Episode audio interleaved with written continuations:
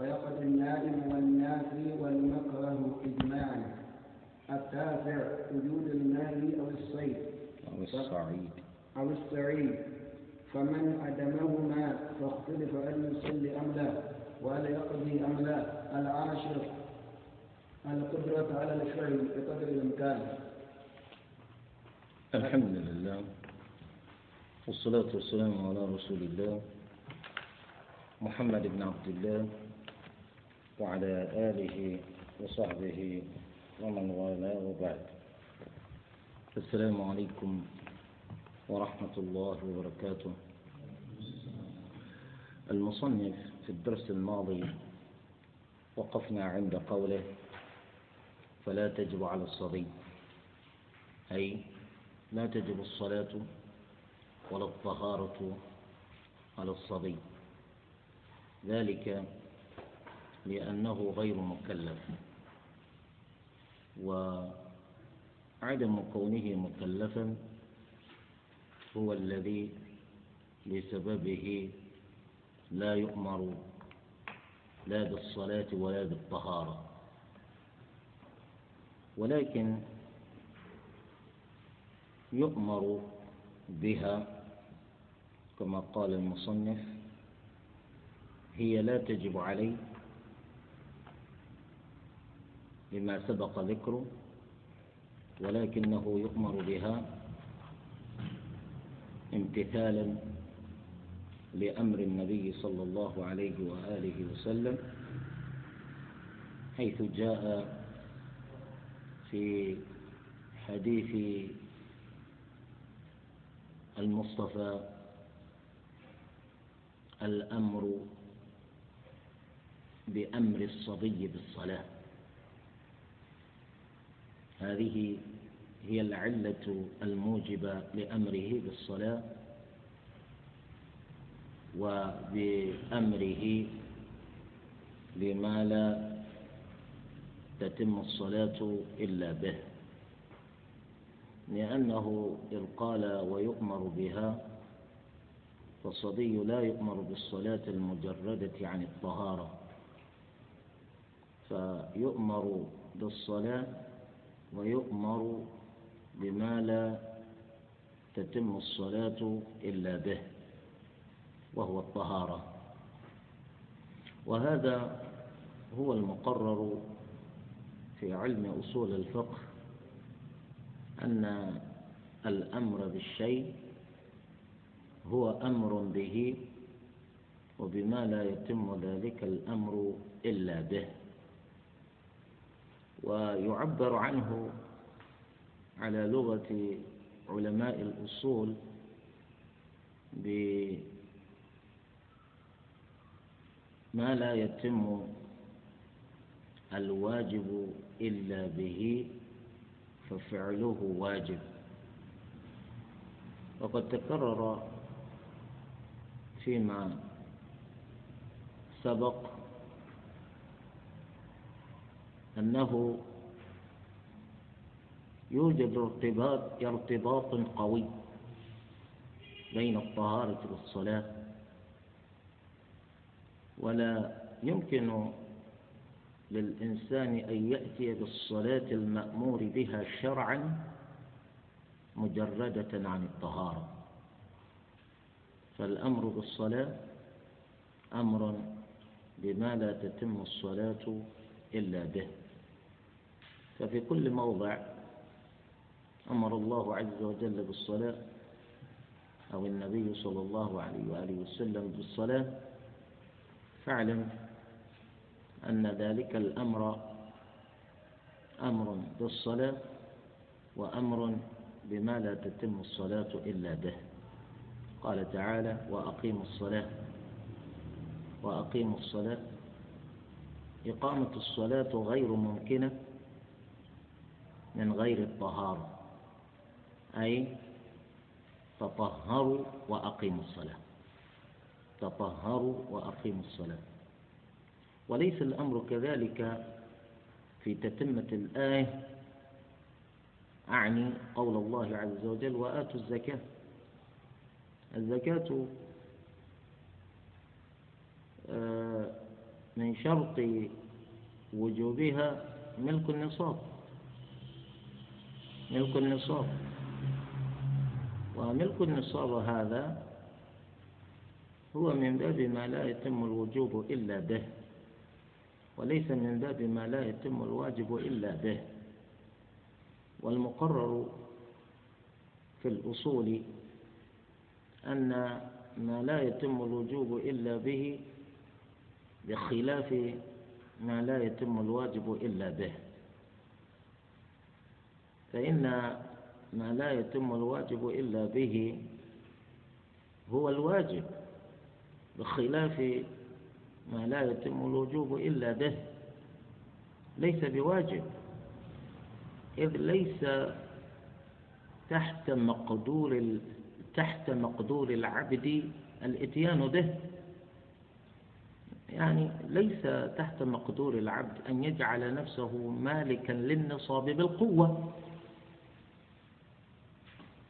لأن ذلك إنما يجري على ما قد على ما قدر الله عز وجل من قدر الله عز وجل له الغنى هو الذي يزكي.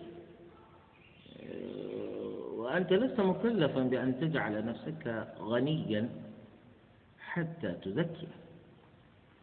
كذلك دخول وقت الصلاة هذا شرط لوجوب الصلاة. فالإتيان بذلك ليس تحت مقدور العبد ولذلك العبد ليس مكلفا بأن يأتي بالوقت قبل حلوله. فمثلا إذا كان الوقت وقت عصر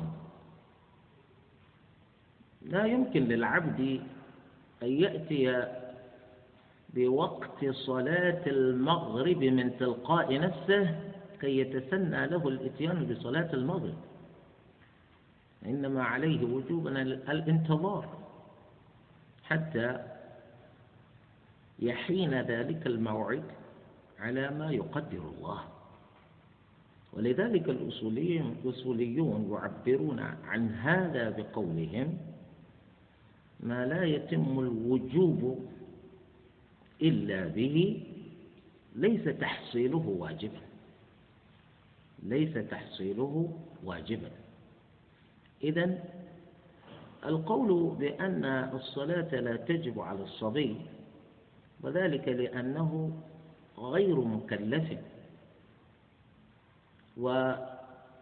والخطاب التكليفي إنما يتوجه به إلى المكلفين والصبي ليس مكلفا بل هو ممن رفع عنهم عنهم القلم.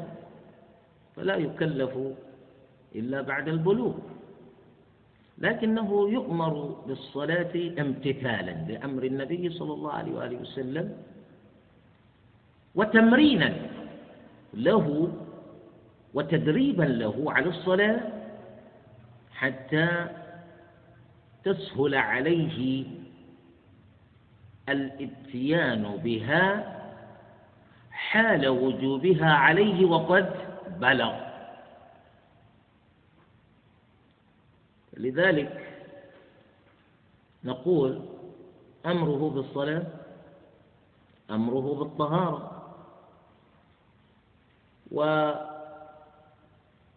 والمصنف إذ قال فلا تجب على الصبي ويؤمر بها لسبع ويضرب عليها لعشر. يشير بذلك إلى ما رواه عمرو بن شعيب عن أبيه عن جده رضي الله عنه أن النبي صلى الله عليه وآله وسلم قال مروا أولادكم بالصلاة وهم أبناء سبع سنين واضربوهم عليها وهم أبناء عشر وفرقوا بينهم في المضاجع. وهذا الحديث رواه الإمام أبو داود في سننه. وأشار الإمام النووي إلى أن سنده حسن. فهذا الحديث هو الذي بموجبه يؤمر الصبي بالصلاة. وهو ابن سبع سنين. ويضرب على تركها وهو ابن عشر سنين. وبالإضافة إلى ضربه على ترك الصلاة وهو ابن عشر فإنه يفرق بينه وبين غيره في المضاجع وقد بلغ هذا السن. طبعا العلماء يختلفون فيما بينهم في تحديد السبع وفي تحديد العشر. هل المراد بالسبع سبع سنين بالتمام والكمال أو الدخول فيها بعد تمام السن السادسة؟ قولان. منهم من اعتبر تمام السادسة والدخول في السابعة. لأن الصبي إذا بلغ إلى هذه المرحلة وقيل إنه ابن سبع لم يكن المتكلم به مخطئا. والآخرون نظروا إلى أن التنصيص على هذا العدد يعني العدد بتمامه وكماله. أي لقد أتم الصبي سبع سنين ودخل في الثامنة. أيا كان فإن الصبي يؤمر بالصلاة في هذا السن. ذلك لأنه في هذا السن يكون قد بلغ مرحلة التمييز. إذ بمقدوره الآن أن يميز بين الصلاة واللعب. وهو باستطاعته في هذا السن أن يباشر الأكل والشرب والاستنجاء بنفسه دون ما حاجة إلى مساعدة مساعد. فبهذا يكون لو وجه إليه الأمر بالصلاة فاهما الخطاب. يفهم المراد بخطابه بالصلاة. ثم إنه بقولنا لا تجب عليه الصلاة. أي لو أمر بها ولم يأت بها لا يأثم. لقول النبي صلى الله عليه وآله وسلم رفع القلم عن ثلاث وذكر منهم الصبي حتى يحتلم ولكن الذي يذم في مسألة أمره بالصلاة هو الولي. لأن الخطاب إنما وجه إلى الولي ولي الصبي. هو يذم بتركه أمر الصبي بالصلاة وهو ابن سبع سنين. لأنه إذا لم يأت بما أمر به حق أن يذم. وهذا هو الواجب. الواجب هو ما يمدح فاعله شرعا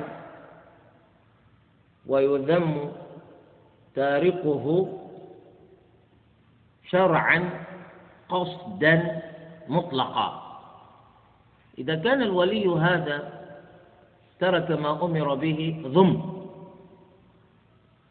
أما الصبي إذا لم يأت بالصلاة وقد أمره وليه بها لا يذم لأنها لا تجب عليه. والإنسان لا يذم على ما لا يجب عليه. ولماذا الصلاة لا تجب عليه وقد أمر وليه بأمره بها؟ هذا السر. لأن المقرر في الأصول أن الأمر بالأمر بالشيء يوجد خلاف بين العلماء في هل هو أمر به أم لا. الأمر بالأمر بالشيء هل هو أمر به أو لا. يعني أمر الولي بأن يأمر الصبي بالصلاة هل هذا الأمر أمر للصبي بالصلاة أم لا؟ بالاتفاق هو أمر للولي بأن يأمر الصبي. وهل هو أمر للصبي بأن يمتثل ما أمر به؟ خلاف. فلذلك يقولون الصلاة هذه لا تجب على الصبي ولكنه يؤمر بها وهو ابن سبع ويضرب عليها وهو ابن عشر. و للتنبيه والتنويه. طبعا جاء جاء جاء في رواية أخرى رواية سمرة ابن معبد الجهني أن النبي صلى الله عليه وآله وسلم يقول علموا الصبي الصلاة لسبع لسبع سنين واضربوه عليها ابن عشر سنين. وهذا يرويه أبو داود والترمذي وحسن سنده النووي. طبعا الأمر أمر الصبي بالصلاة يتوقف على تعليمه الصلاة لأنك كيف تأمره بشيء هو لا يعلم ذلك الشيء لا يعلم حقيقته ولا كيفية الإتيان به. لأن أمرك الصبي بالصلاة فرع عن تعليمك الصبي الصلاة. وإلا كان تكليفا بما لا يطاق. وليس في شريعتنا تكليف بما لا يطاق. قال ربنا عز وجل لا تكلف نفس إلا وسعها. فلا بد أن يكون الصبي قد علمته الصلاة حتى تأمره بها. أما إذا أمرته بها ولما تعلمه حقيقتها وكيفيتها كان ذلك تكليفا له بما لا يطاق. ولذلك جاء في هذا الحديث الآخر أن النبي صلى الله عليه وسلم يقول علم أي لكنه قيد سن التعليم بسبع وقيد سن الأمر بالسبع أي يأتيان متوازيان أي يأتيان معا التعليم والأمر. علمه وأمره. كما تعلمه تأمره. وهكذا. فالنبي صلى الله عليه وآله وسلم بهذا التقييد قد أوضح لنا ما وقع فيه كثير من الآباء من الأخطاء. هذا الحديث يوضح لنا ما وقع فيه كثير من الأولياء من الأخطاء صوب تربيتهم أبناءهم. فإن كثيرا من الآباء والأولياء يهملون أولادهم وصغارهم لا يأمرونهم بالصلاة أمرا ولا ينهونهم عن تركها نهيا. يتركون الأولاد حبلا على الغارب. يتصرف يتصرف الواحد منهم كيفما شاء وكيفما يريد. دونما آمر له بالصلاة. لذلك لا غرو أن نرى كثيرا من الفتية وقد بلغوا سن البلوغ وهم يبتعدون عن المساجد وعن الصلاة لأنهم إنما نشأوا على ترك الصلاة فأنى لهم أن يأتوا بها وقد شابوا حذاري ثم حذاري أن تهمل ولدك ولا تأخذ بيده إلى سفينة النجاة. الصلاة الصلاة فإنه من ضيعها فهو لما سواها أضيع. هكذا يقول أمير المؤمنين عمر بن الخطاب رضي الله عنه فيما رواه عنه الإمام مالك في الموطأ.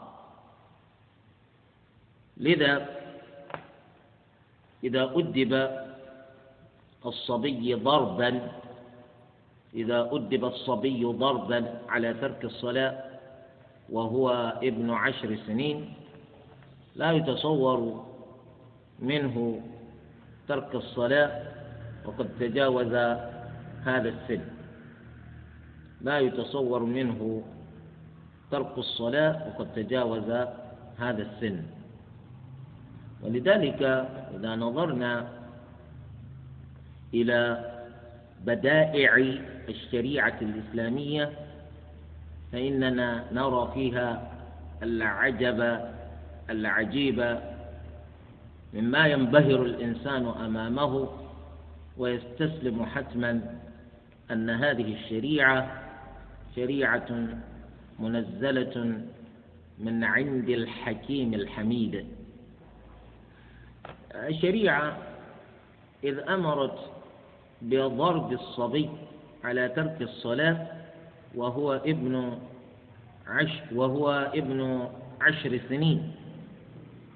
فيه تنبيه على أنه إذا تجاوز هذا السن ووصل إلى البلوغ وترك الصلاة فإنه إذا أدين بتركها يحكم عليه بالقتل لأنه إما أن يكون ترك الصلاة جحودا فإنه يقتل يقتل بالإجماع كفرا لأنه قد كفر وارتد عن الإسلام. أما إذا تركه كسلا وتهاونا فإنه يقتل.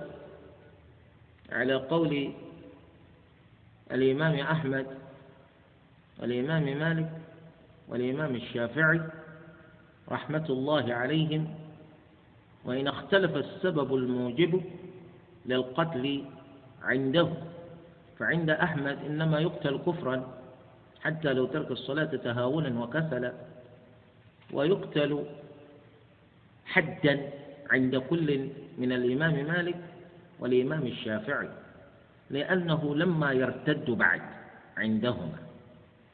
أما عند أحمد فهو بترك بتركه الصلاة ولو تهاونا وكسلا فإنه قد كفر. فيقتل على كل حال كفرا. أما عند الإمام أبي حنيفة رحمه الله يرى أنه لا يقتل وإنما يؤدب حبسا حبسا وضربا. عله يعود إلى الصلاة. عله يعود إلى صوابه. على أي حال انظر كيف تدرجت الشريعة من الضرب إلى القتل. لأنها شريعة محكمة من الله عز وجل جاءت. وإلا لو كانت الشريعة هذه من صناعة البشر لرأيت أنها لا تنتظم. فإنها تأتي بالفوضى من الأحكام وبالفوضى من الأنظمة كما نرى في القوانين الوضعية. فما أكثرها تشويشا فإنهم تجدونهم إذا وضعوا تلك القوانين لا يتفقون عليها تفسيرا ولا يتفقون عليها معنى. ولا يتفقون عليها تطبيقا بل يختلفون في كل نقطة من النقاط. وتجدهم من فينة لأخرى يدعون إلى استبدال تلك الشريعة وإلى تغييرها وإلى وإلى تصحيحها وتعديلها. كيف لا؟ وهي شريعة هي من بنات أصابع العباد. لا يمكن أن تكون محكمة. يضرب الصبي على ترك الصلاة وهو ابن عشر سنين وهذا يبطل على التربويين نظريتهم. أهل التربية اختلفوا في مسألة ضرب الصبي تأديبا.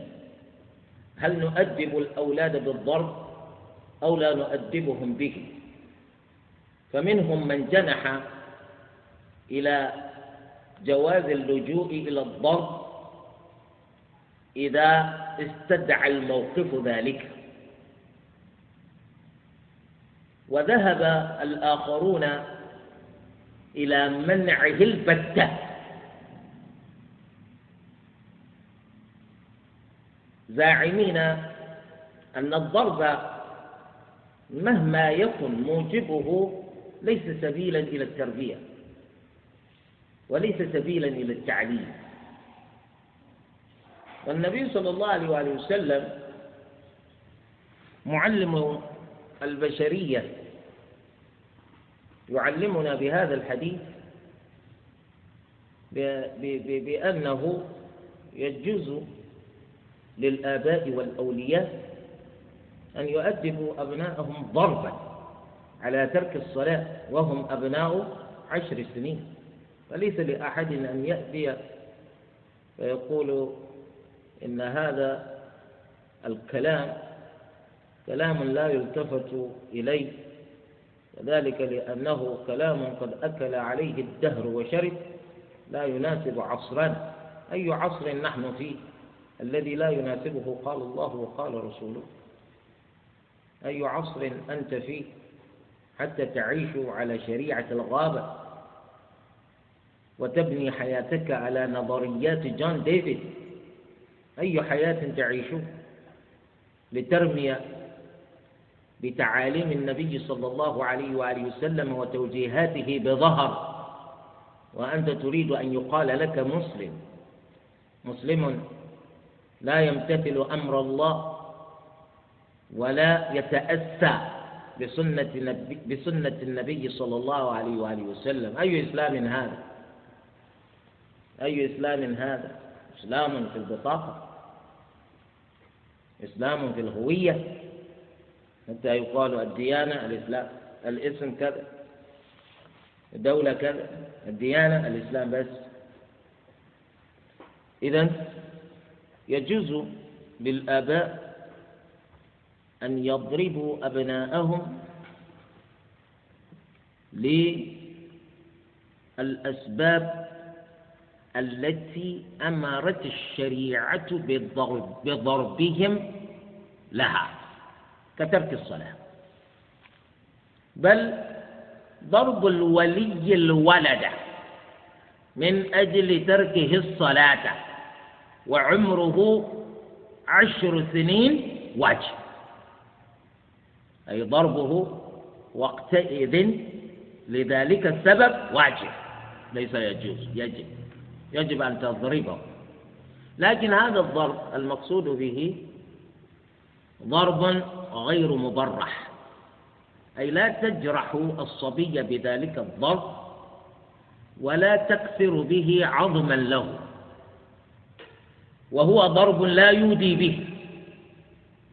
إذ المقصود به تأديبه. وليس المقصود به قتله والإتيان على حياته. هذا هو. وأحبذا لو كان الذي يقوم بهذا الضرب هو الوالد نفسه. لأن الوالد بما يحمل لطفله من عطف ورأفة وشفقة ورحمة فإنه لا يجنح إلى أن يجرح ولده بمثل هذا الضرب أو يكسر له به عظما. بخلاف ما إذا قام بذلك غيره. إذا قام به غيره من أخ أو عم أو غيرهما من الأقرباء. ربما ضربوه ضربا يؤذونه به إيذاء شديدا. قد يضيفون إلى ضربه لترك الصلاة ضربه لسوء أدب قد صدر منه تجاههم قبل. فيقولون إنما يضربونه لسببين لا لسبب واحد بخلاف الولي. أقصد به الأب. فالأب يحمل من الرحمة والشفقة والرأفة على طفله ما يحول دون أن يكسر له عظما أو يجرح له جسما. واضربوهم عليها وهم أبناء عشر. يفرقوا بينهم في المضاجع. هذا أيضا فيه تأديب آخر على أن الإنسان يجب عليه أن يراعي ما يحدث للطفل في تكويناته في مراحل نموه وكذلك ما يطرأ على إحساسه من تغير. فإنه في هذا السن يكون له إحساس يتميز عن إحساسه السابق تجاه النوع الآخر من الجنس البشري. أي إذا كان الطفل ذكرا فإنه يكون له إحساس مغاير لما له من إحساس قبل تجاه الأنثى. وإذا كان الطفل أنثى يكون إحساسها قد تغير عما هو عليه قبل تجاه الولد الذكر. الأمر الذي قد قد يؤدي إذا إذا تركتهم وهم ذكور وإناث ينامون في مكان واحد على سرير واحد ومرتبة واحدة. قد يؤدي هذا إلى ما لا يحمد عقباه. فلذلك النبي صلى الله عليه وسلم علمنا بأن نقوم بهذه المبادرة وهي مبادرة التفريق بين أبنائنا في المضاجع فقد وصلوا إلى هذا السن. وهذا التوجيه النبوي يشمل ما لو كان ما لو كان الأولاد كلهم ذكورا أو كانوا جميعا إناثا أي لو كانوا جميعا أولادا ذكورا فإنك تفرق بينهم في المضاجع وهم أبناء عشر سنين. صونا لهم من أن يقعوا في فعل قوم لوط. كذلك إذا كان الأولاد كلهم بنات فإنك تفرق بينهن. ابتعادا لهن من أن يقعن فيما تفعل النسوة. بعضهم لبعض بعضهن لبعض. فما أروع تعليمات من النبي صلى الله عليه وآله وسلم لأمته وما أحسن تربية الأمة لو كانت تمتثل أوامر النبي صلى الله عليه وآله وسلم وتتأسى بتوجيهاته. فالمسلمون لو كانوا يمتثلون هذه الأوامر لما وقعت فيهم الفواحش ولا المنكرات وفرقوا بينهم في المضاجع. وهذا ليس من لازمه أنك توفر لكل طفل سريرا. إذا لم يكن باستطاعتك أن توفر لهم أسرة بحسب عدد رؤوسهم فإنك يعني تدبر حالك بأن توفر لكل واحد ما يمكنه أن ينام عليه بالراحة ولو لم يكن ذلك سريرا توفر له شيئا. يعني قد توفر له حصيرا إذا لم يكن باستطاعتك أن توفر لهم أسرة ولم يكن باستطاعتك أن توفر لهم مراتب وفر لهم حصائر. ينام على الحصائر. سيجعل الله عز وجل لك بعد كل عسر يسرا إن شاء الله.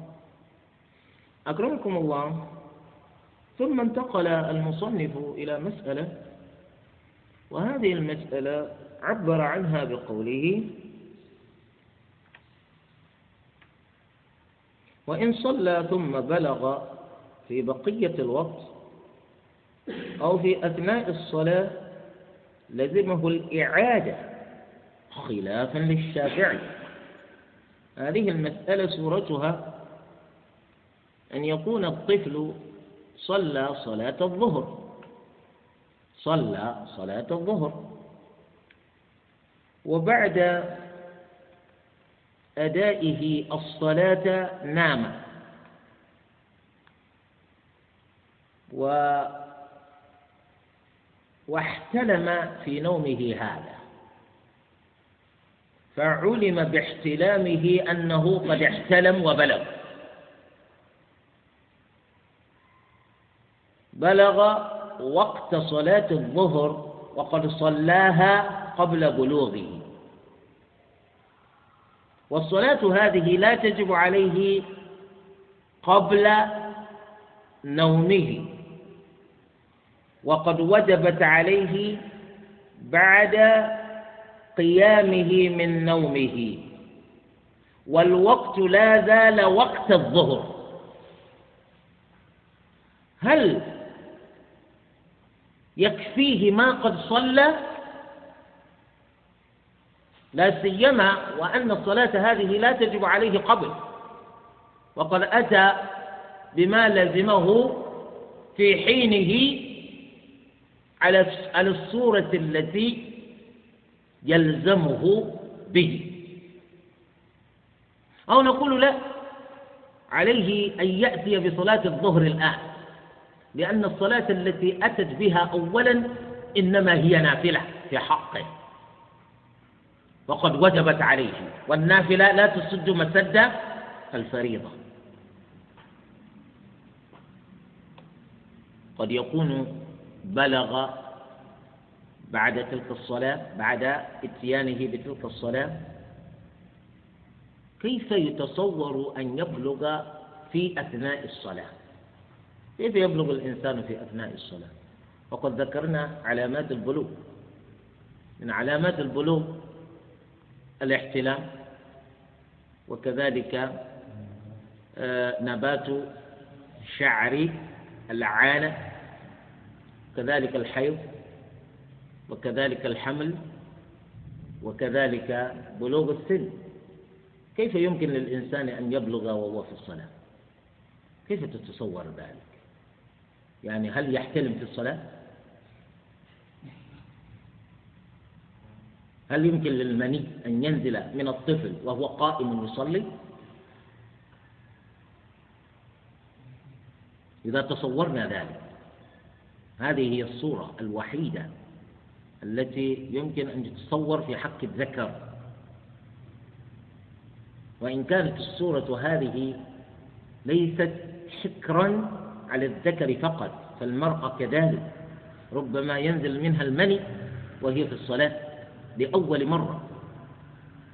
أما الصورة الثانية وهي نبات شعر العانة أنت أصلا لا تضع يدك في عانتك وأنت تصلي. كيف تعلم أن شعر العانة نبت وأنت في الصلاة؟ هذا لا يتصور. ثالثا آه، مسألة الحيض في حق المرأة المرأة نعم يتصور أن ينزل منها الدم وهي تصلي. لأول مرة في حياتها. نعم يتصور. فتكون قد بلغت في أثناء الصلاة. أما الحمل لا لا يتصور كيف تحمل وهي في الصلاة؟ لأن موجب الحمل يتنافى مع الصلاة. موجب الحمل يتنافى مع الصلاة لأن موجب الحمل هو الجماع. كيف يجامع رجل امرأة وهي تصلي؟ اللهم إلا إذا كان الاثنان مجنونين. أكرمكم الله.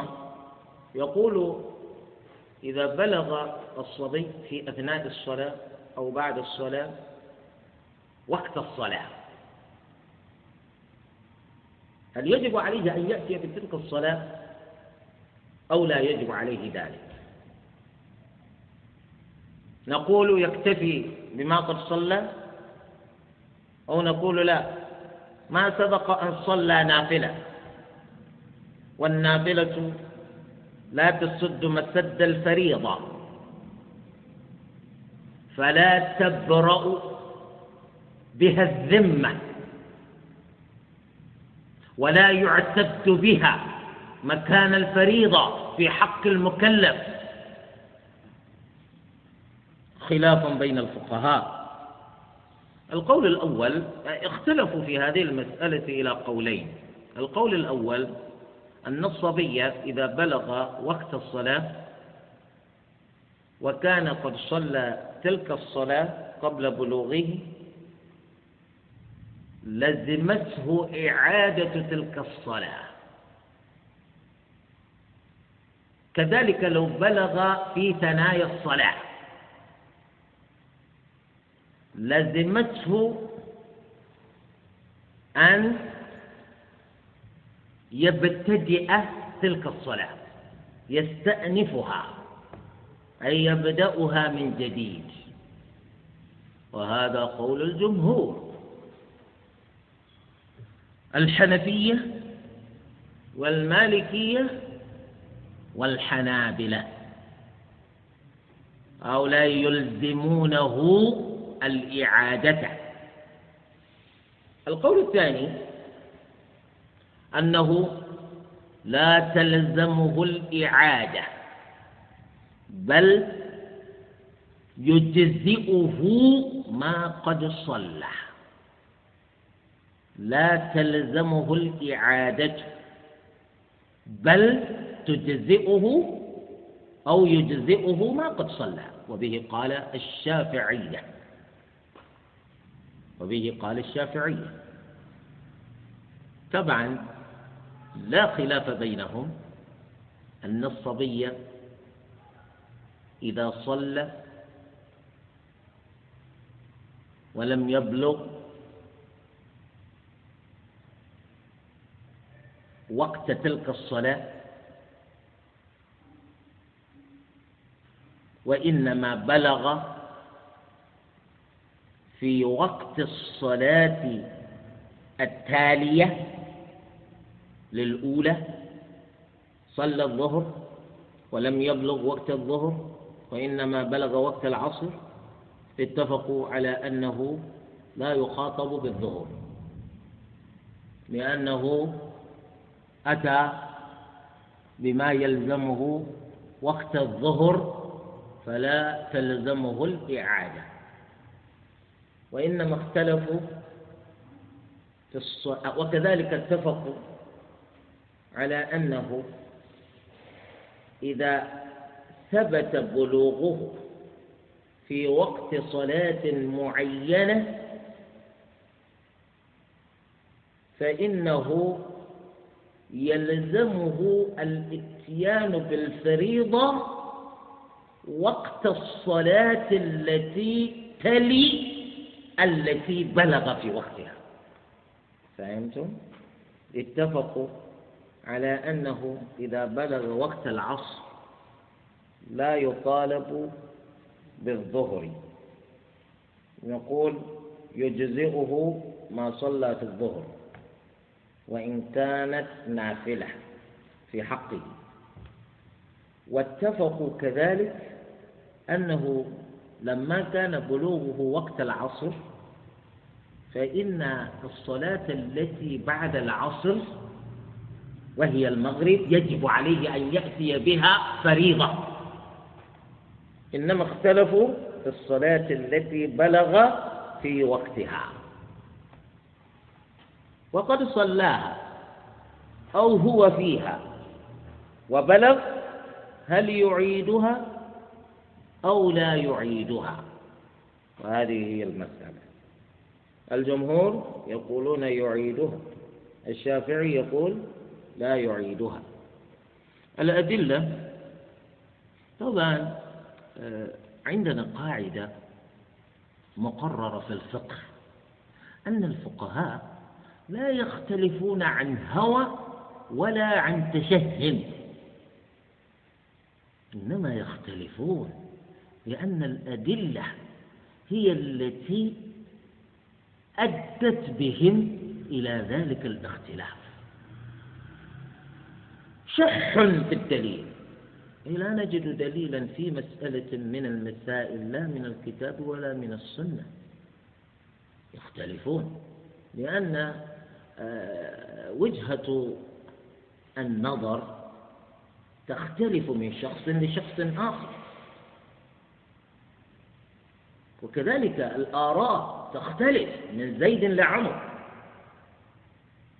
والأقيسة التي هي التي يلجأ العلماء إليها لاستنباط الأحكام للحوادث التي لا يجدون لها دليلا. الأقصى هذه يختلفون فيها. قد يكون قياسك وجيها لا يعتريه قادح. قد يكون قياسك فاسدا يعتريه قادح. من أجل هذا يختلفون ليس أنهم يختلفون فقط لأنهم يريدون ألا يتفقوا القول الأول طبعا لا يوجد دليل من الكتاب ولا من السنة في هذا ولذلك أنت تجد خاصة في مجتمعاتنا حيث الناس للأسف الشديد يعني كثير منهم ما تعلم وهم يتصورون أن الإسلام يعني صورته واحد زائد اثنين يعطيك ماذا؟ ثلاثة. هكذا يتصور كثير من الناس. فمثلا لو سأل سائل عن حكم هذه المسألة فقال يا شيخ ماذا يفعل الصبي الذي كان قد صلى الظهر؟ قبل بلوغه ثم بلغ في وقت الظهر قبل خروج الوقت. هل يعيد تلك الصلاة أو لا يعيدها؟ لنفرض مثلا أنك تأخذ برأي الجمهور أنه يعيدها. فقلت يعيدها. يقول لك السائل وما دليل ذلك من الكتاب والسنة؟ أن تقول له ليس كل شيء تجد له دليلا نصا من الكتاب ولا من السنة. ولكن لكل شيء دليل من الكتاب والسنة قد يكون ذلك بشكل إجمالي. لا يهتدي إليه إلا العلماء. الذين يملكون ملكة بها يستنبطون الأحكام من الأدلة. ولو جلسنا نبين لك كيفية وصولنا إلى ذلك الدليل من الأدلة المجملة لأبعدناك عن عن الطريق وأضللناك عن الصواب. لأنك سوف تخرج بلا شيء تخرج بحفي حنين. يقول لا تكلمونا بالآراء يا شيخ. هذا دين. قال الله قال رسوله بس. طبعا هذا موجود وبشكل ملفت في مجتمعنا. فهذا إن دل على شيء إنما يدل على أن العلم لما ينتشر كما ينبغي. الناس يعانون من جهل في أمر دينهم إنما همهم في المآكل والمشارب فقط والملابس. لا يهتمون بدينهم اهتمامهم بحياتهم وبمعاشهم. فافهم أن الإسلام لا يتكلم العلماء فيه بحكم من الأحكام من الأحكام.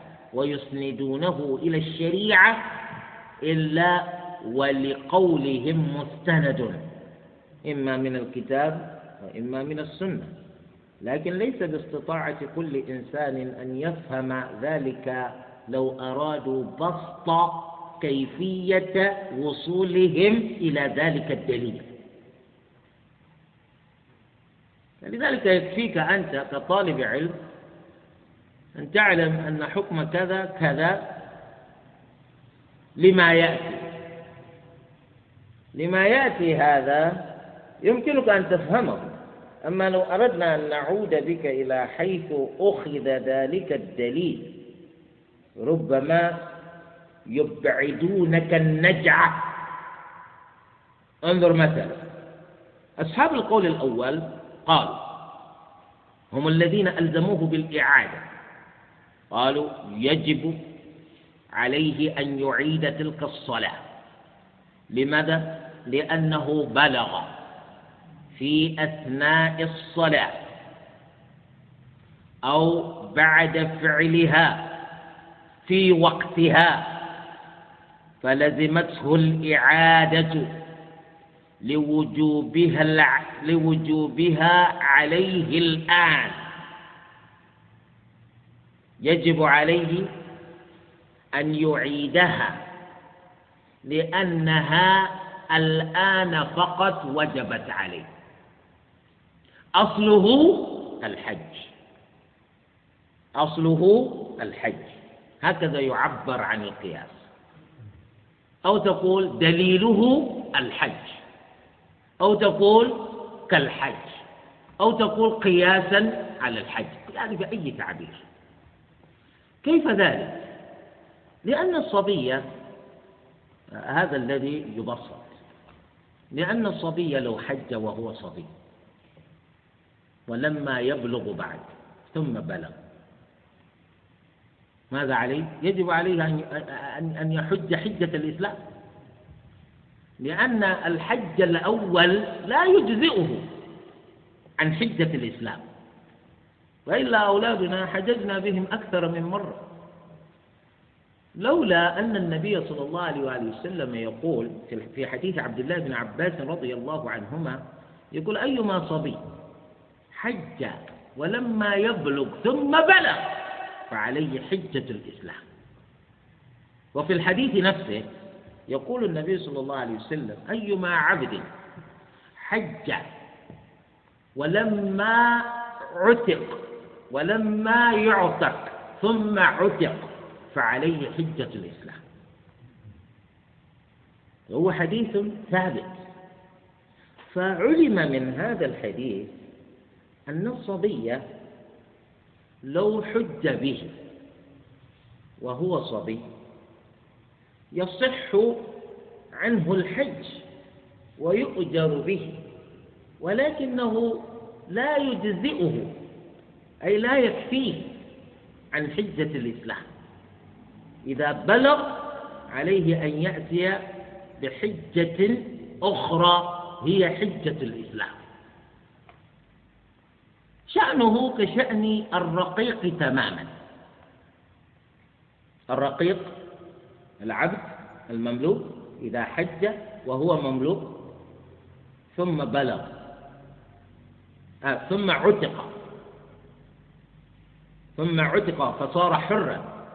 فإنه يجب عليه أن يأتي بحجة الإسلام. لأن تلك الحجة الأولى التي أتى بها حالة رقه لا تجزئه لا تكفيه. كذلك الصبي. فلذلك العلماء هؤلاء يقولون الصبي هنا قد بلغ في أثناء الوقت وقد صلى قبل بلوغه ثم بلغ والوقت موجود قائم تلزمه الإعادة كما تلزمه إعادة الحج لو حج قبل البلوغ ثم بلغ. فهمتم؟ وهو كلام سليم صحيح. وليس قياسا مع الفارق. يعني حتى يقال هذا قياس مع الفارق. أي فارق؟ ما في فرق. الصلاة ركن من أركان الإسلام والحج ركن من أركان الإسلام. وكما يمكن للصبي أن يحج يمكن للصبي أن يصلي. ولك أن تقول إن الصبي لا يحج بنفسه إنما يطاف به ويسعى به محمولا. نقول حتى الصبي وهو يصلي فإنه يحتاج إلى توجيه. يصلي بجوار وليه وإلا شرد وفر. كذلك ما في فرق. ثم الحج حج الصبي تمرين وصلاة الصبي تمرين. تمرين له. فما في فرق بينهما هذا قياس سليم. القول الثاني دليله. هم قالوا لا يجب عليه لا تجب عليه إعادة تلك الصلاة. لماذا؟ لأنه أدى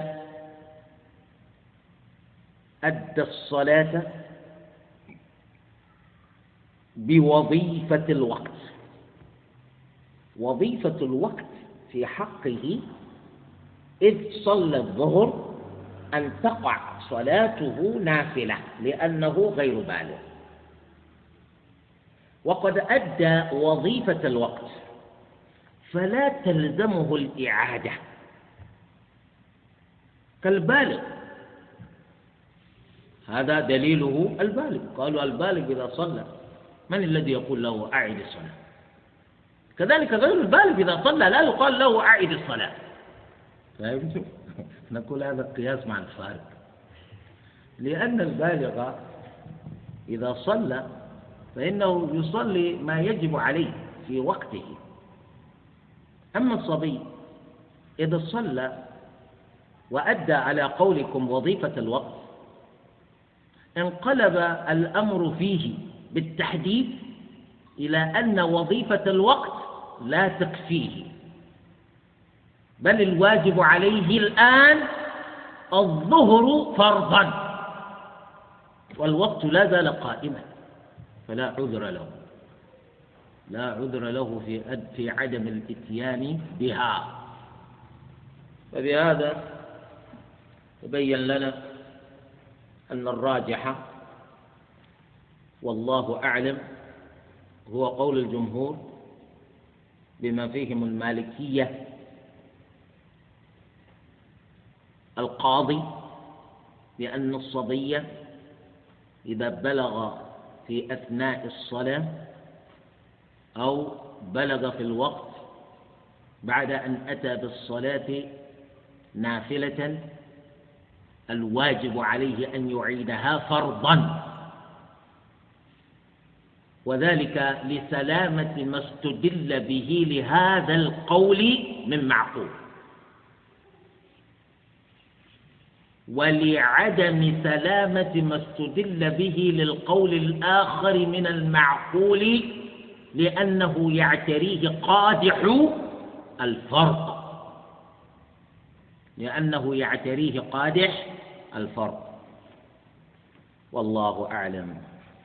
ثم قال المصنف الرابع ارتفاع دم الحيض. ارتفاع دم الحيض والنفاس.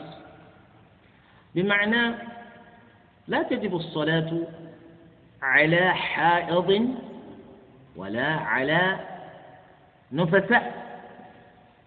حتى تجب الطهارة على حائض. والمقصود بالطهارة هنا طهارتها من الحدث لا من الخبث وإلا الطهارة من الخبث تجب حتى على الحائض وحتى على على النفساء لأن المرأة إذا بالت أو أكرمكم الله يعني تغوطت فإنها يجب عليها أن تغسل ما بها من هذه النجاسة في في كلا المخرجين. يجب عليها أن تغسل هذه النجاسة.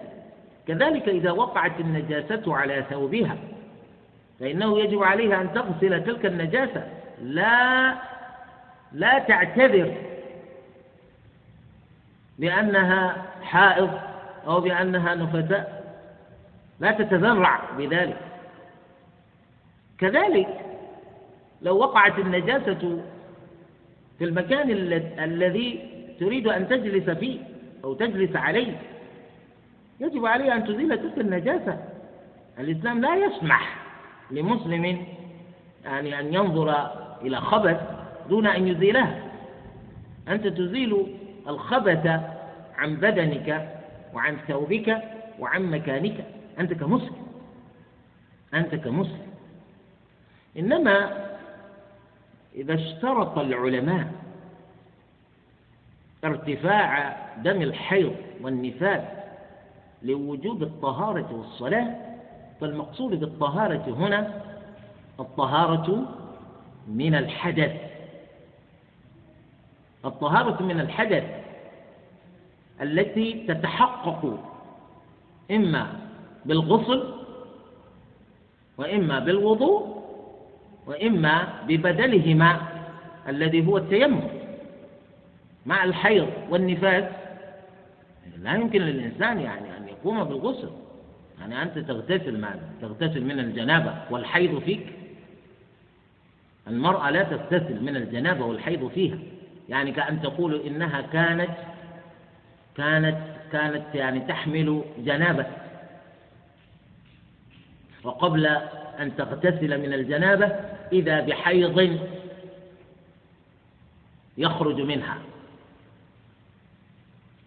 فاجتمع عليها سببان موجبان للغسل. غسل جنابة وغسل حيض. هل يجوز لها أن تقوم بالغسل من الجنابة قبل انقطاع دم الحيض؟ لا لا يمكنها ذلك.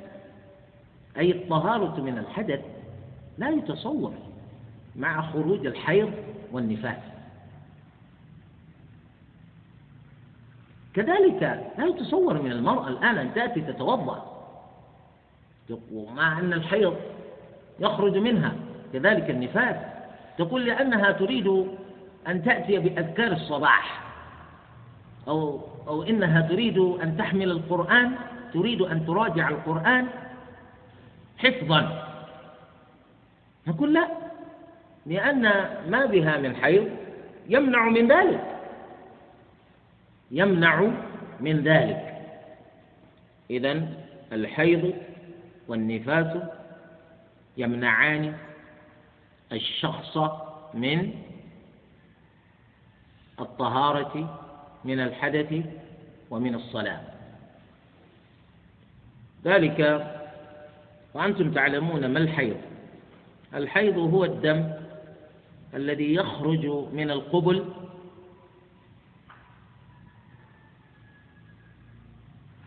شهريا لا لمرض ولا لولادة.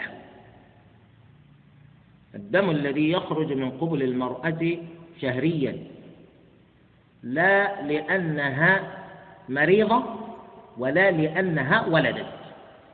هذا الدم يقال له حيض. أما النفاس فهو فهو الدم الذي يخرج من قبل المرأة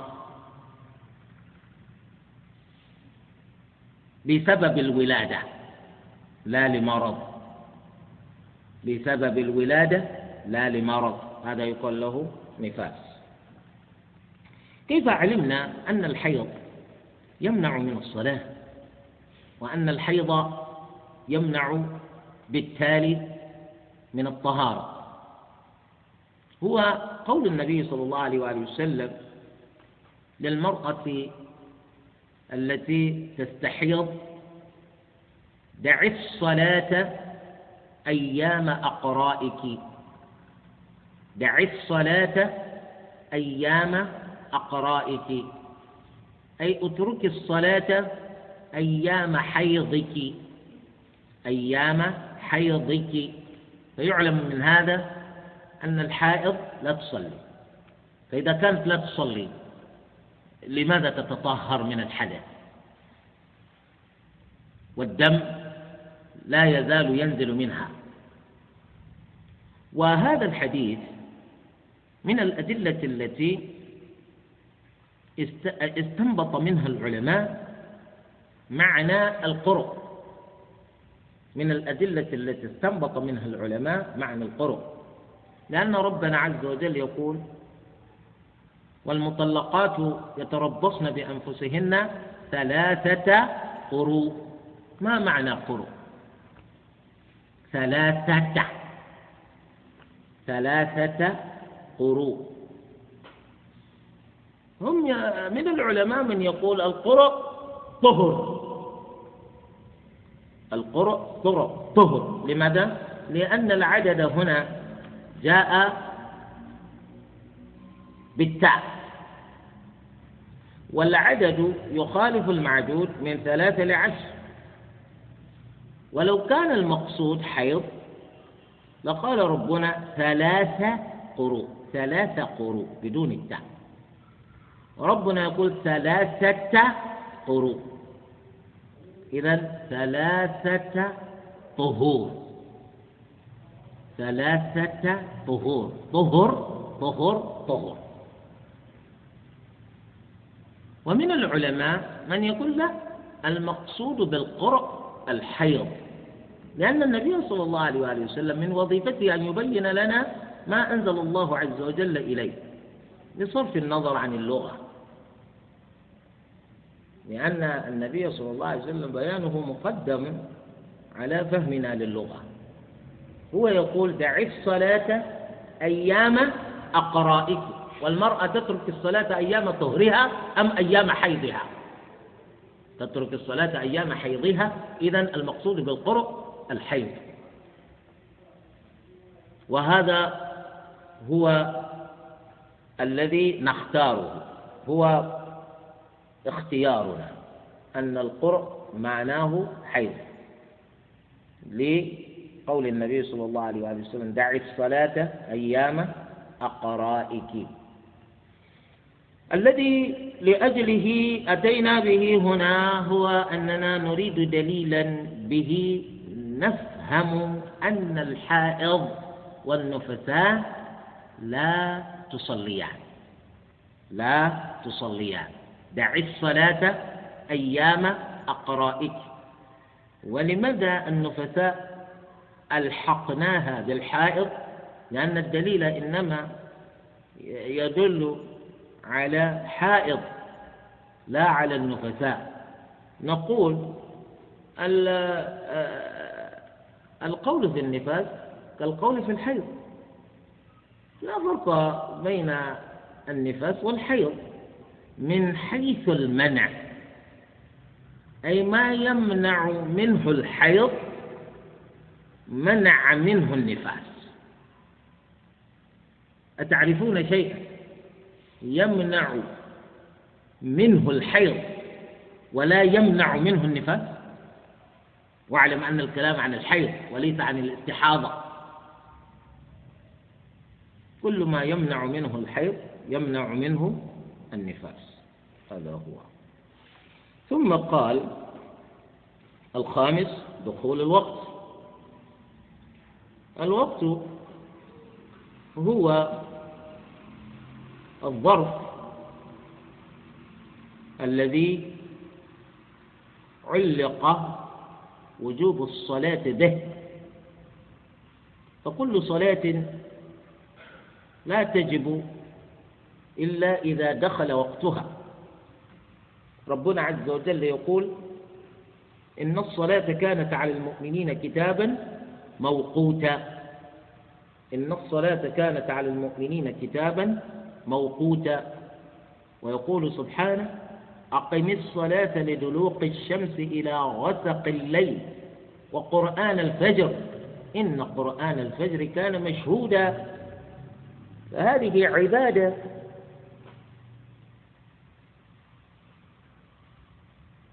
معلقة بالوقت.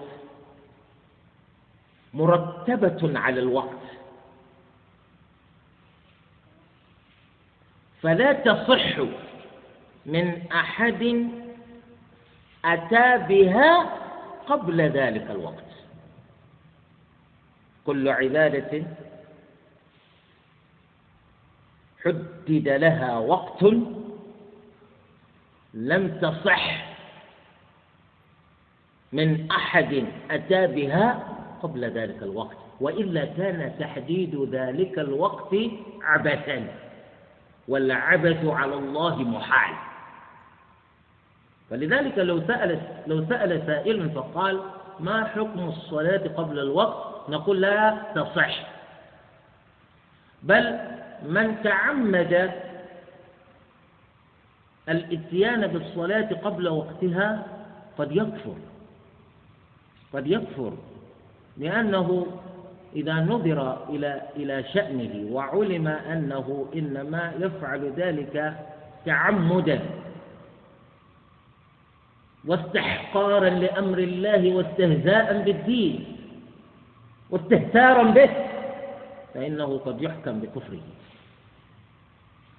لذلك حذاري ثم حذاري ألا تعير لتقييدات الشرع نظرا ولا اهتماما.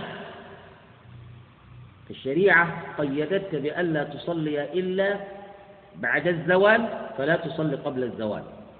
الشريعة قيدتك ألا تصلي صلاة إلا بعد صيرورة ظل كل شيء مثله فلا تصلي قبل ذلك. الشريعة قيدتك ألا تصلي صلاة أخرى إلا بعد تحقق غروب الشمس فلا تصلي قبل غروب الشمس. والشريعة قيدتك بألا تصلي العشاء إلا بعد غيبوبة الشفق فلا تصلي قبل غيبوبة الشفق. وقيدتك ألا تصلي, ألا تصلي الفجر إلا بعد بزوغ الفجر الصادق فلا تصلي قبل ذلك. إن الصلاة كانت على المؤمنين كتابا موقوتا. وهي ثلاثة أمور. إما أن تصلي قبل الوقت وهذا محظور محرم. أو تصلي في الوقت وهذا هو المأمور به. بل أنت مأمور بأن تبادر إلى الصلاة وتأتي بها في أول وقتها لما ثبت في حديث عبد الله بن مسعود رضي الله عنه أن النبي صلى الله عليه وسلم سئل عن أي الأعمال أحب إلى الله عز وجل فقال الصلاة لوقتها وفي رواية الصلاة لأول وقتها. الحالة الثالثة أن تأتي بالصلاة متأخرة عن وقتها وهذا فهذا فيه تحذر. تحذر لأن الذي يؤخر الصلاة عن وقتها لقد لقد دعا الله عز وجل عليهم بالويل. وويل للمصلين الذين هم عن صلاتهم ساهون. ليس أنهم يتركونها يتركونها البتة. ليس أنهم يتركونها بالكلية يصلونها ولكنها يأتون بها متأخرة. عن وقتها. فهي حالات ثلاث. دخول الوقت سبب من أسباب وجوب الصلاة وليس تحت مقدور العبد أن يأتي بالوقت من تلقاء نفسه. الله الذي يأتي بالوقت الله الذي يأتي بالوقت ليس تحت مقدور المكلف أن يأتي بالوقت. لأنه السبب. السبب هذا هو من باب ما لا يتم الوجوب إلا به وليس من باب ما لا يتم الواجب إلا به. كذلك المصنف يقول السادس عدم النوم أي عدم النوم أن يكون الإنسان غير نائم. لأن الصلاة كيف تجب عليك وأنت نائم؟ والطهارة كيف تجب عليك وأنت نائم؟ لا تجبان عليك وأنت نائم. ولأن النبي صلى الله عليه وآله وسلم يقول رفع القلم عن ثلاث وذكر وذكر منهم النائم حتى يستيقظ النائم حتى يستيقظ.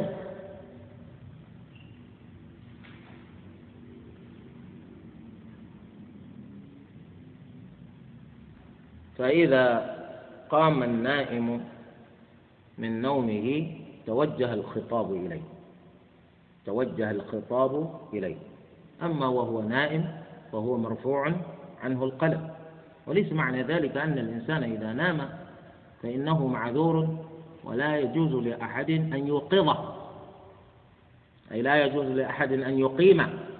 هكذا يزعم بعض الناس. يقول إذا نام فهو معذور لا يوقظه أحد حتى يقوم بنفسه. فإذا قام بنفسه أتى بما عليه من العبادة نقول كلامك وجيه ولكن أوجه منه أن توقظ. أوجه منه أن توقظ. فقد نام النبي صلى الله عليه وآله وسلم حين كان في سفر مع أصحابه ووكل بلالا بأن يوقظه إذا بزغ الفجر. وكل بلالا شفت كيف؟ وكل بلالا أن يوقظه حين بزوغ الفجر. ولكن بلالا ولكن بلالا لم يستيقظ. بل سبقه النبي صلى الله عليه وآله وسلم إلى القيام. وما قام النبي صلى الله عليه وآله وسلم حتى إلا بعد طلوع الشمس. ولما قام النبي صلى الله عليه وآله وسلم أقام أصحابه وقال لبلال ما لك؟ لم توقظني كما أمرتك. فقال للنبي صلى الله عليه وآله وسلم أخذ بنفسي الذي أخذ بنفسك. يعني الله الذي أخذ بنفسي هو الذي أخذ بنفسك. الله الذي أخذ بنفسك هو الذي أخذ بنفسك. أها. الله الذي لم يجعلك تقوم حين طلع الفجر هو الذي لم يجعلني أقوم حين طلع الفجر. فبين النبي صلى الله عليه وسلم أن هذا المكان الذي نحن فيه لقد بات فيه معنا الشيطان. لأن الشيطان هو الذي أتى إلى بلال وأخذ يداعبه كما يداعب الإنسان الطفل لينام. فما زال يداعب بلالا حتى نام. بغية أن يجعلهم يغفلوا عن الإتيان بالصلاة في وقتها. فلذلك النبي صلى الله عليه وآله وسلم أمرهم بأن ينصرفوا عن ذلك المكان إلى مكان آخر. وما صلوا حتى وصلوا إلى المكان الآخر الذي أشار إليهم النبي صلى الله عليه وآله وسلم بالتوجه إليه. إذا فهمت هذا فاعلم أن الإنسان إذا نام وجاء وقت الصلاة فإنه لا ضير عليك أن توقظه. لا حرج ولا بأس أن توقظه. قم إلى الصلاة حان وقت الصلاة. وهذا دأب الناس هذا دأب سلف الأمة الصالح. النبي صلى الله عليه وسلم أمر الصحابة بأن يوقظوه فما بالك أنت؟ حتى تقول إذا نمت فأنا معذور. تنام عن الصلاة. وإلا لو أخذنا بالمبدأ الذي تنادي به لما أتى أكثر الناس إلى الفجر. والناس الآن إذا بزغ الفجر ونادى المنادي في الصلاة أقام من قام أولا غيره من الناس لكي يتوجهوا إلى المسجد. وهذا هو دأب سلف الأمة الصالح أن الإنسان إذا قام وغيره ينام فإنه يوقظه. أما النائم طبعا لا تجب عليه الصلاة لأنه معذور حالة نومه ولا الطهارة كذلك. أما إذا قام فإنه يتوجه إليه الخطاب يقال له لقد فاتتك صلاة فعليك بها. ولا يمكنك أن تأتي بها إلا بالطهارة وهذه الطهارة أيضا واجبة. هذا هو. ثم قال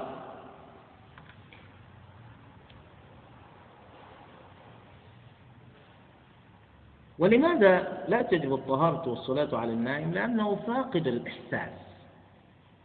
إذا نام وهو يفقد إحساسه. الله يتوفى الأنفس حين موتها والتي لم تمت في منامها. فالله عز وجل قد أمسك بتلك النفس فهو لا يحس بما يجري حوله. وإلا لو كان يحس أنه يجب عليه أن يجيب. يجب عليك أن يجيب. هذا إذا لم يجد من يوقظه. أما إذا أيقظه أحد فإنه يقوم إلى الصلاة. يقوم إلى الصلاة. كذلك عدم النسيان.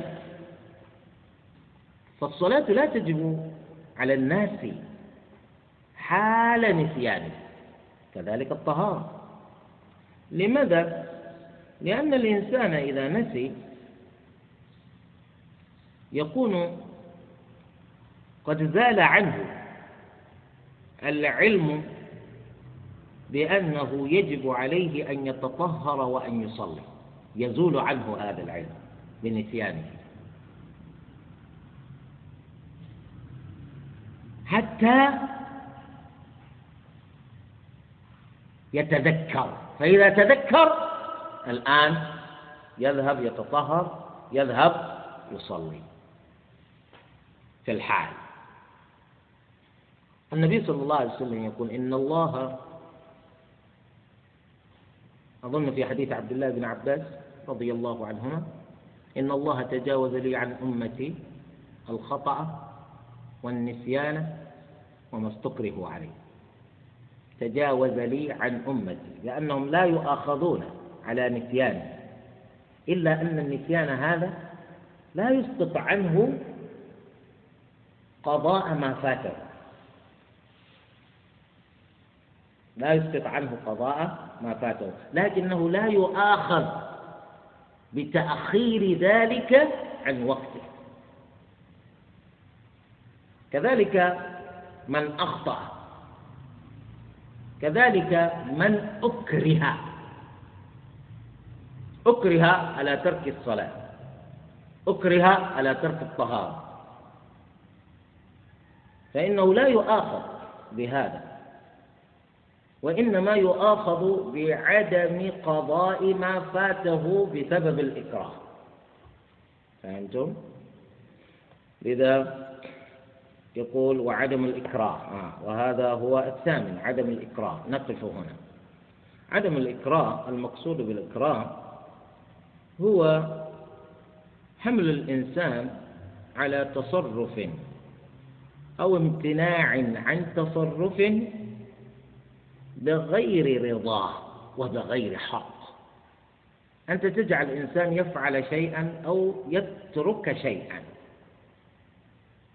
وهو غير راض. وحملك إياه على الفعل أو الترك بغير حق. هذا هو الإكراه.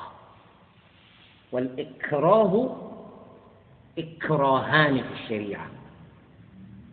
الأول يقال له إكراه ملجئ. والثاني يقال له إكراه غير ملجئ. الإكراه الملجئ هو الذي لا يبقى للإنسان معه اختيار. ولا إرادة. لا يبقى لك معه اختيار ولا إرادة.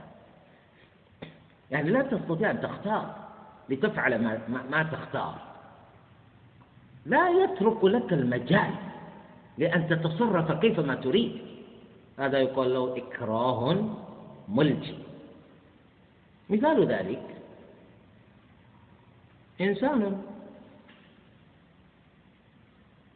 ربط يديك بحبل متين ورجليك بمثله ورمى بك ثقلا على نائم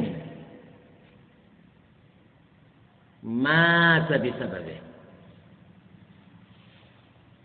إنسان نائم وأنت ربطوا يديك ورجليك ورموا بك على ذلك النائم ومات بهذا السبب. تقول والله أنا مكره. أنا ما رميت بنفسي. واحد يقول لك لماذا لما رموك ما فررت؟ قل كيف أفر رجلاي مربوطتان. يداي مربوطتان. تقول وأنا في نفسي لا أريد أن ألقى أن يلقى بي عليه وفي نفسي لا أريد أن أكون سببا لموته. ولكن ماذا أفعل؟ أنا حملوني. وربطوا يدي وربطوا رجلي ورموا بك الحجر. هذا يقول له إكراه. يقول له إكراه ملجم مثل مثلوا له بقول الشاعر ألقاه في اليم. ألقاه في اليم مكتوفا يعني هو ألقى بشخص في البحر. مكتوفا مربوطا ربطه. ثم قال له إياك إياك أن تبتل بالماء. يقول يعني لا تبتل بالماء. كيف لا لا لا يبتل بالماء. وأنت قد ربطته ورميته في البحر. ألقاه في اليم مكتوفا فقال له شفت كيف ربط يديه؟ إياك إياك أن تبتل بالماء. هذا تكليف بما لا يطاق. بخلاف الإكراه غير ملجئ يعني واحد يقول لك اشرب هذا الخمر أو اقتل هذا الطفل أو إذني لهذه المرأة أي هذه الأفعال فعلت فإنك تسلم. فإن تركتها كلها تقتل. ثم وضعوا المسدس على رأسك. إذا لم تشرب الخمر أو تزني أو تقتل الطفل فإنك تقتل. هذا إكراه غير ملجئ. فهمتم؟ لأن الخمر لا يمكنك أن تشربه أو تشربها إلا وأنت تحمل الخمر بنفسك. الإنسان لا يمكن أن يشرب الخمر إلا إذا حمله بنفسه. ثم عندما تشرب الخمر فإنك تأمر لسانك بأن يدفع الجرعة التي تدخل في فمك تدفع الجرعة إلى حلقتك. إذا وصل إلى الحلق فأنت تبلع. ثم تضع جرعة أخرى فإذا وصلت الجرعة إلى لسانك فإنك تدفع بلسانك إلى الحلق. ثم إذا وصل إلى الحلق تأمر حلقك بإبلاع الخمر. إذا عندك إرادة عندك اختيار. هذا إكراه غير ملزم. كذلك إذا قال لك اقتل وإلا تقتل إكراه غير ملزم. لأنك لا يمكنك أن تقتل إلا وأنت تريد. ثم إن الرصاص لا يطلق نفسه أنت الذي ستطلق الرصاص. فإذا مات الإنسان جراء فعلك يقال إنك مكره إكراها غير ملجئ فتقتل به. تقتل به هذا هذا الفرق. كذلك واحد يقول لك إذني بهذه المرأة وإلا تقتل. يعني أصلا إذا زنيت وأنت محصن تقتل. وإذا لم تزني بها تقتل من قبل هؤلاء. يعني الشريعة تقتلك إذا زنيت وأنت محصن هؤلاء المجرمون يقتلونك إذا لم تزني. وأنت باستطاعتك أن تفر. لا تزني وتفر. ها تدافع عن نفسك وتفر. ثم الإنسان كيف يمكنه أن يزني؟ وذكره لم ينتشر. أنت تحتاج إلى أن يكون ذكرك قد انعاض حتى تزني. والذكر الذكر لا ينتشر إلا بإرادة. الذكر لا ينتشر إلا بإرادة. يعني الإنسان الذي يقول أنا مكره على الزنا ويعفى عنه هو الإنسان الذي ربطوا يديه وربطوا رجليه ووضعوا ذكره في فرج المرأة وذكره لم ينتشر. شفت كيف؟ ذكره لم ينتشر. لكن وضعوا ذكره في فرج المرأة فانتشر. يقول عنده إرادة. يقول عنده إرادة. وهكذا. إذا الإكراه يمنع من وجوب الصلاة ويمنع من وجوب الطهارة. ولكن نقيد هذا الإكراه بالإكراه الملجي بالإكراه الملجي نكتفي بهذا القدر. نسأل الله عز وجل أن يفقهنا في الدين وأن يبارك لنا فيما علمنا وأن يزيدنا علما. سبحانك اللهم وبحمدك أشهد أن لا إله إلا أنت أستغفرك وأتوب إليك. جزاكم الله خير يجوز لنا أن نؤدب الطفل بلطم لا لا لا. أنت وأنت وأنت تضرب الطفل لا تضربه في الوجه. لا تضربه في الوجه حتى المرأة النبي صلى الله عليه وسلم نهانا أن نضربها في الوجه. والطفل أيضا لا تضربه في الوجه. يعني كل إنسان تريد أن تضربه لا تضربه في الوجه حتى لو كان ذلك الذي تريد ضربه آه، رقيقك. إذا كان رقيقك لا تضربه في الوجه. ولذلك العلماء يقولون إن الله خلق آدم على صورته. يعني أحد أحد تأويلات لهذا الحديث هو أن الله عز وجل خلق آدم على صورة هذا الرقيق على صورة هذا الرقيق لأن السيد لطم رقيقه في وجهه. فقال النبي صلى الله عليه وسلم كيف تلطمه في وجهه؟ ولا تدري أن الله خلق آدم على صورته؟ على صورة هذا الرقيق على صورتك أنت. نعم. عليكم السلام.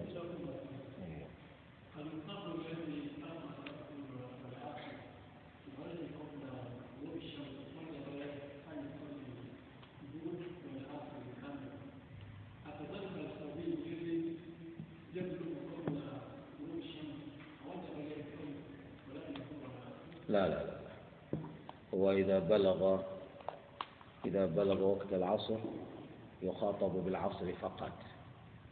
إذا بلغ وقت المغرب يخاطب بالمغرب فقط.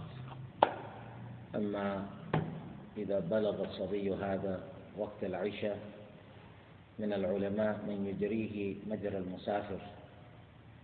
مثلا وكذلك مجرى الحائض. أن الحائض إذا تطهرت قبل غروب الشمس وكان الوقت يتسع لخمس لخمس ركعات فإنها تقضي الظهر والعصر. وكذلك إذا تطهرت قبل طلوع الفجر والوقت يسع لخمس ركعات فإنها تقضي المغرب والعشاء. كذلك أجرى بعض الفقهاء الصبي. فقالوا إذا بلغ قبل غروب الشمس و والوقت يسع لخمس ركعات فما يزيد فعليه أن يقضي الظهر والعصر. كذلك إذا بلغ قبل طلوع الفجر بقدر خمس ركعات فما يزيد فإنه يأتي بالمغرب والعشاء معا لأنه وقت لهما في حقه. أصحاب الضرورة يقال. أصحاب الضرورة. نعم.